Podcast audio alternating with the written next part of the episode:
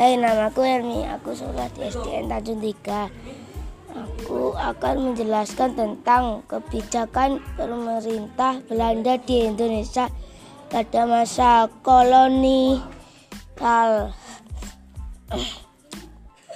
Selama masa penjajahan Belanda, pemerintah kolonial Belanda menerapkan sejumlah kebijakan di Indonesia, misalnya berdirinya Varenik Ostindik Kompageni atau VOC.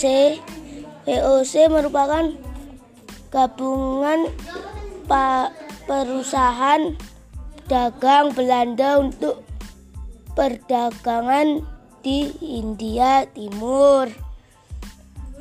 Hak-hak VOC tersebut contohnya boleh memiliki angkatan parang parang sendiri lalu boleh mengumumkan parang dan mengadakan perdamaian perjanjian.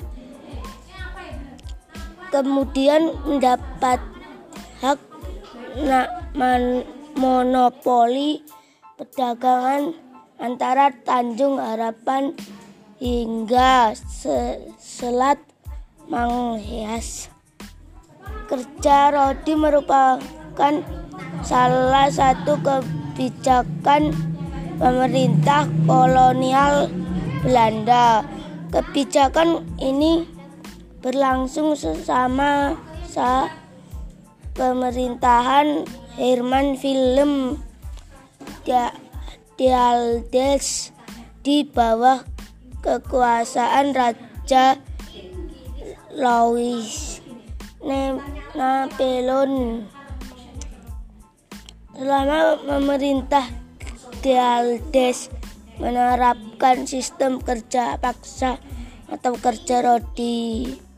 Berikutnya kebijakan landrente atau sistem sewa tanah meskipun kebijakan tersebut agak digagas oleh pemerintah kolonial Inggris pemerintah kolonial Belanda tetap melanjutkan Kebijakan Landrete tersebut berisi tentang keharusan rakyat untuk menyewa tanah.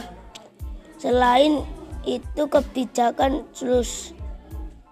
cluster cell atau sistem tanam paksa. Kebijakan ini terapkan oleh Belanda untuk mengisi kekosongan kas negara setelah berakhirnya Parang Jawa peraturan tersebut dikeluarkan semaksa pemerintahan Johannes van dan Bos pada tahun 830.